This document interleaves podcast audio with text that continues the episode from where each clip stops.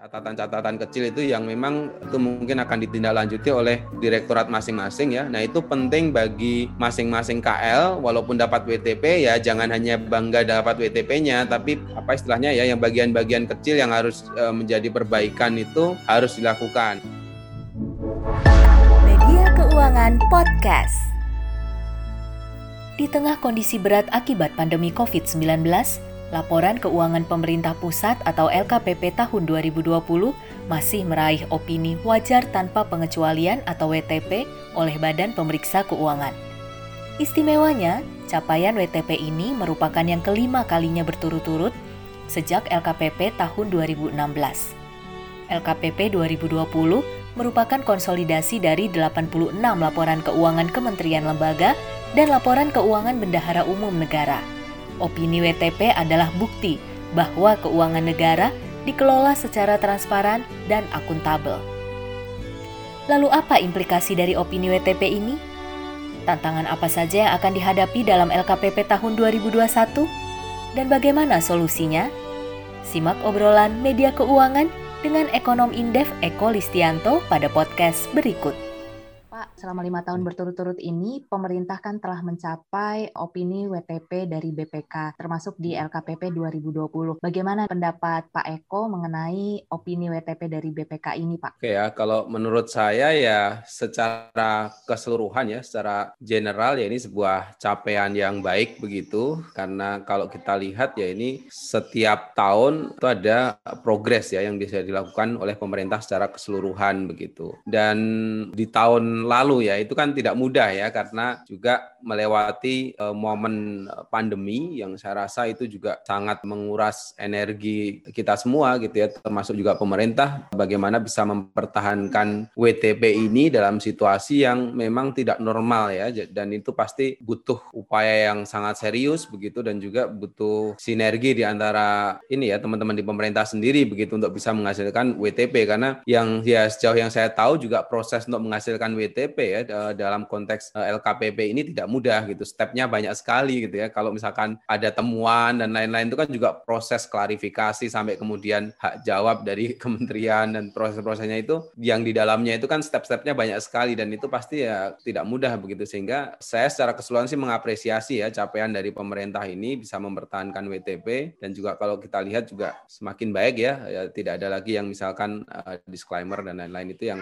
membuat mungkin juga secara governance ya, publik juga semakin meyakini ya merasakan manfaat dari adanya capaian ini begitu. Baik Pak, lalu eh, bagaimana penilaian Bapak terhadap komitmen pemerintah dalam menjaga kualitas tata kelola keuangan negara kita Pak? Ya, kalau diperhatikan ya, ya dengan capaian ini pun juga sebenarnya membuktikan bahwa secara administrasi katakanlah gitu ya secara keuangan itu penjagaan ya terhadap aspek transparansi, akuntabilitas itu terlihat begitu. E, walaupun ya e, memang secara keseluruhan tidak ada jaminan ya bahwa kemudian kalau sudah WTP terus tidak ada penyimpangan sama sekali juga enggak kan ya faktanya juga tidak begitu begitu tetapi setidaknya ya guidance ini atau katakanlah proses akuntability dengan adanya laporan keuangan yang rutin terus kemudian juga di, di supervisi katakanlah ya dinilai oleh BPK secara ini juga ya secara kontinu itu menggambarkan upaya untuk bisa terus mengelola anggaran ya secara efektif, efisien dan juga bisa dipertanggungjawabkan itu sangat kelihatan gitu. Pada beberapa aspek yang mungkin menjadi kritik ya dari masyarakat katakanlah gitu ya. Kebetulan saya juga mewakili masyarakat bisa dikatakan begitu ya sebagai peneliti. Itu kan kadang-kadang kita juga sering mengkritisi masalah realisasi anggaran ya yang memang secara nyata di beberapa tempat itu kan katakanlah masih rendah ya. Katakanlah misalkan sampai ini bulan Juli berarti katakanlah satu semester gitu ya. Mungkin ada beberapa kementerian juga memang realisasinya kita kita nilai masih sangat rendah ya dan itu ya terus menjadi sorotan juga oleh publik oleh media. E, tetapi kalau kita lihat dari sisi yang lain sebetulnya rendahnya itu bukan hanya karena tidak mau menjalankan sebetulnya, tetapi karena kehati-hatian kan gitu. Aparat negara ya birokrasi di masing-masing kementerian itu ma mau menjalankan secara governance gitu. Nah kadang-kadang governance itu ya memang role of the game-nya itu kadang-kadang strict, Mbak. Jadi nggak nggak bisa kadang gitu juga. Kalau kita lihat ya kadang-kadang ya ya udah gitu karena memang tidak bisa dilakukan secara apa ya istilahnya ya tidak boleh ada diskresi kan di dalam kebijakan untuk keuangan gitu. Jadi kalau misalkan dari tahapan-tahapan prosesnya itu belum dilalui secara benar ya tidak akan masuk ke tahapan berikutnya. Yang itu kadang-kadang ya oleh publik oleh masyarakat kan dinilai mengganggu realisasi gitu ya. Bahkan mungkin juga kalau ya mungkin ini dinamikanya ya di kementerian sendiri menteri-menterinya kan itu kan jabatan politik ya. Belum tentu semuanya memahami anggaran secara mendalam juga begitu bagaimana proses anggaran itu. Dan kadang-kadang itu yang saya tahu ya dari ya perbincangan di warung kopi lah kira-kira gitu ya. Itu kadang-kadang ya menterinya sendiri kadang-kadang nggak memahami gitu ya. Kenapa ini nggak bisa cepet? Kenapa itu nggak bisa cepet? Kan kadang-kadang begitu padahal semuanya itu butuh proses yang tidak boleh dilanggar oleh siapa pun begitu karena ada tahapan-tahapan yang sangat strict di situ. Nah itu yang menurut saya ya ke depan yaitu uh, memang kita perlu ya terus untuk mengupgrade kecepatan kita untuk mengeksekusi anggaran begitu. Tetapi di sisi lain juga faktor kehati-hatian ya faktor governance itu memang harus terus dijaga gitu. Jangan sampai terutama di kondisi tidak normal seperti sekarang ya itu kemudian terlalu banyak diskresi yang dilakukan implikasinya nanti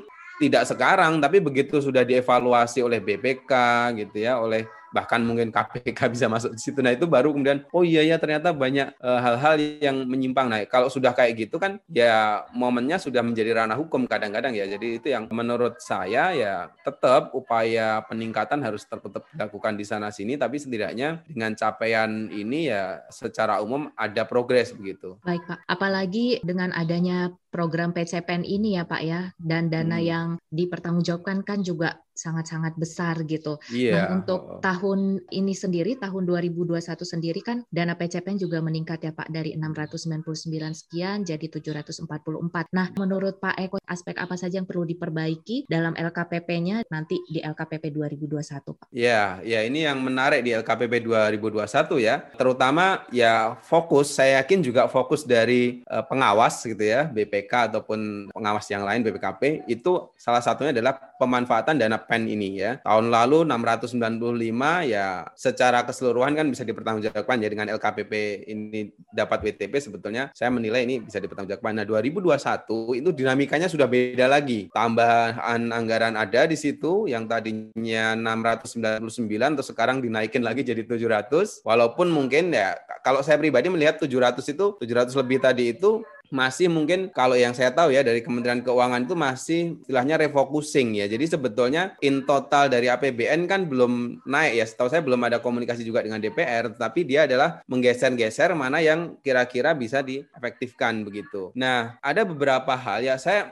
mengapresiasi langkah itu karena berarti tidak perlu nambah begitu ya, tidak perlu nambah naikin defisit atau gimana, tapi kemudian adalah melakukan refocusing di hal-hal yang eh, katakanlah tidak terserap dengan baik gitu. Nah, cuma ini tantangannya gitu bagi terutama bagi ya mungkin Kementerian Keuangan sendiri dan juga pejabat-pejabat yang terkait ya di lingkaran ini ya yang memberikan keputusan uh, terhadap PEN ini karena apa? Tentu setiap KL itu tidak mau itu sebetulnya anggarannya dipotong gitu. Kalau kemudian yang terjadi refocusing kan berarti sebenarnya mungkin yang di sana uh, belum terserap, oke tarik ke sini gitu ya, dimasukkan dalam anggaran yang urgent itu kan sekarang ada kayak bansos gitu ya, terus beberapa anggaran lain itu ya, hmm. yang terkait nakes dan lain-lain itu yang mau dipacu gitu. Nah opsi itu memungkinkan, cuma menurut saya juga komunikasinya nanti ya, bagaimana dengan pertama di dalam internalnya itu dengan kementerian dan lembaga masing-masing itu penting gitu ya. Terus kemudian juga ke publiknya begitu. Kalau memang proses ini katakanlah ya relatif tidak banyak komunikasi dengan DPR katakanlah gitu ya lebih banyak menggeser-geser anggaran gitu itu mungkin jadi tantangannya nah nanti implikasinya adalah di LKPP 2021 gitu kalau kalau yang dikurangi misalkan ada kementerian ya ya karena belum menyerap ya. Saya yang yang saya tahu ada beberapa kementerian itu realisasinya masih agak rendah gitu. Dan mungkin itu bukan karena mereka nggak bisa mengeksekusi tapi karena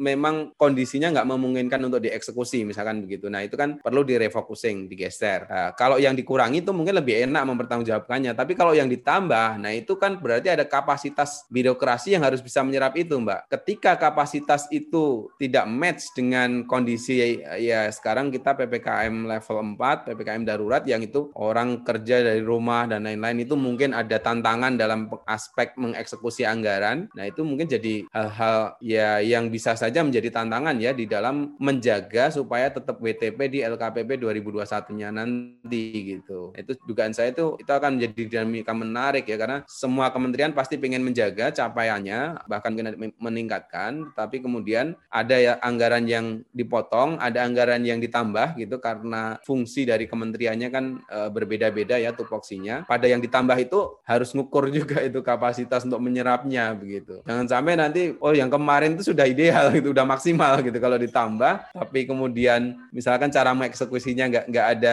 breakthrough ya itu akan akan sulit itu gitu Mbak. Kalau menurut Pak Eko sendiri nih ada nggak sih Pak yang kira-kira mungkin di, bisa dilakukan pemerintah apalagi dengan kondisi yang memang situasinya katakanlah darurat gitu ya Pak. Itu apakah ada hal-hal breakthrough tadi yang Pak Eko sampaikan yang mungkin sebenarnya masih bisa dilakukan pemerintah untuk mendorong percepatan realisasi itu tapi belum pernah dilakukan gitu Pak? Ya, proses teknisnya mungkin saya nggak begitu tahu ya di dalam seperti apa, tetapi setidaknya kalau kita mau pakai istilah best practice gitu atau kira-kira lesson learn ya yang bisa kita lakukan di era pandemi ini uh, untuk mempercepat pertama adalah saya rasa infiltrasi teknologi digital itu harus tetap dilakukan gitu bagaimana memungkinkan gitu ya supaya realisasi cepat tapi juga governance-nya terjaga gitu. Hal yang sepele aja mungkin ya soal tanda tangan dan lain-lain ya yang mungkin tahun lalu awal-awal pandemi kita masih bingung. Tapi kan sekarang ya saya sering lihat tuh sudah pada pakai QR code ya, ya betul. tersolusi kan itu ya digital walaupun di rumah, signature tapi, ya Pak. uh, itu kan akhirnya kan kita beradaptasi dengan itu. Mm-hmm. Yang kedua, dengan Undang-Undang Nomor 2 2020 kemarin ya, pemerintah itu diberi kewenangan yang leluasa seperti kalau cuma refocusing kayak tadi ya, sejauh yang saya tahu itu tidak terlalu banyak dikomunikasikan ke DPR ya, beda dengan nambah anggaran gitu ya. Nah, yang semacam ini berarti ada momen untuk bisa secepat-cepatnya begitu bagi Kementerian Keuangan untuk katakanlah melakukan berbagai macam pergeseran anggaran gitu ya. Nah, dari situ sebetulnya ini hampir hampir mirip kayak di sektor swasta begitu. Jadi kalau dulu-dulu sebelum uh, undang-undang nomor 2 itu ya ada perubahan sedikit lapor DPR dibahas dulu ya undang-undang APBN perubahan namanya gitu. Prosesnya sangat inilah panjang, proses politiknya mungkin lebih panjang lagi gitu ya. Teknik ratiknya mungkin bisa cepat gitu tapi proses politiknya bisa panjang. Nah, ini kan proses politiknya itu agak agak lebih bisa diminimalkan kira-kira gitu ya. Nah, sehingga harapan saya ya mungkin proses-proses yang seperti yang terjadi terjadi di swasta, itu di swasta itu biasanya kalau ada anggaran yang sudah direncanakan tapi tidak dioptimalkan ya dalam uh, triwulanannya itu bisa dengan cepat dia uh, re realokasi atau refocusing ke yang lain begitu. Nah, ini harapannya ya nanti itu bisa juga dilakukan ya oleh menteri-menteri terkait begitu. Ketika ada sesuatu anggaran yang memang kira-kira tidak bisa dieksekusi ya atau eksekusinya sangat lambat yaitu perlu dilakukan percepatan gitu. Itu untuk membuat ini lebih efisien gitu. Nah kecepatan tadi ya pertama teknologi yang kedua juga manajerialnya begitu. Kalau tahap yang lebih ini adalah ya sebisa mungkin prosedurnya bisa di, terus dievaluasi ya. Kalau bisa dipercepat gitu ya, itu sangat memungkinkan gitu. Iya baik Pak. Kalau dari catatan BPK kemarin Pak, kalau menurut Pak Eko gimana Pak atas beberapa catatan dari BPK untuk LKPP pemerintah nih Pak yang 2020? Ya, mungkin ada dua ya. Secara mikro dulu. Sebetulnya di level mikro, mikro itu maksud saya KL masing-masing, walaupun dapat WTP itu tetap ada catatannya saya yakin itu. Catatan-catatan kecil itu yang memang itu mungkin akan akan ditindaklanjuti oleh direktorat masing-masing ya. Nah, itu penting bagi masing-masing KL walaupun dapat WTP ya jangan hanya bangga dapat WTP-nya tapi apa istilahnya ya yang bagian-bagian kecil yang harus e, menjadi perbaikan itu harus dilakukan ya. Kan kadang itu problemnya laporan BPK itu udah diserahkan ke DPR tapi tindak lanjutnya kan ya, ya setahu setahu saya juga tidak semuanya ya ditindaklanjuti mm -hmm. gitu yang, yang dilakukan itu kan menjadi kadang-kadang juga menjadi keluhan BPK ya karena BPK uh. bukan eksekutornya gitu kan.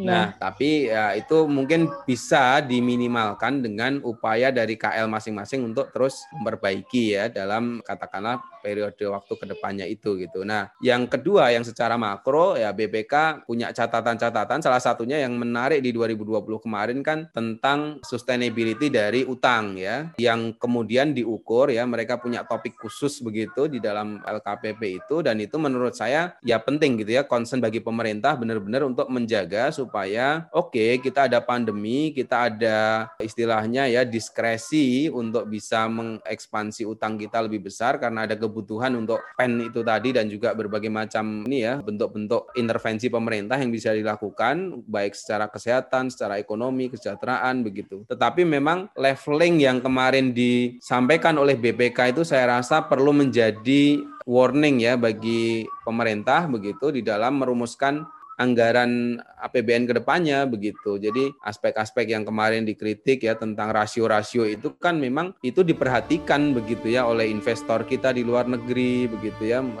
oleh e, market oleh juga mungkin lembaga-lembaga internasional begitu sehingga catatan-catatan itu menurut saya ya harus kita perhatikan begitu supaya nanti anggaran ini efisien dan juga efektif untuk bisa mendorong ya peran negara di dalam perekonomian ya khususnya dalam penanganan pandemi ini gitu Mbak.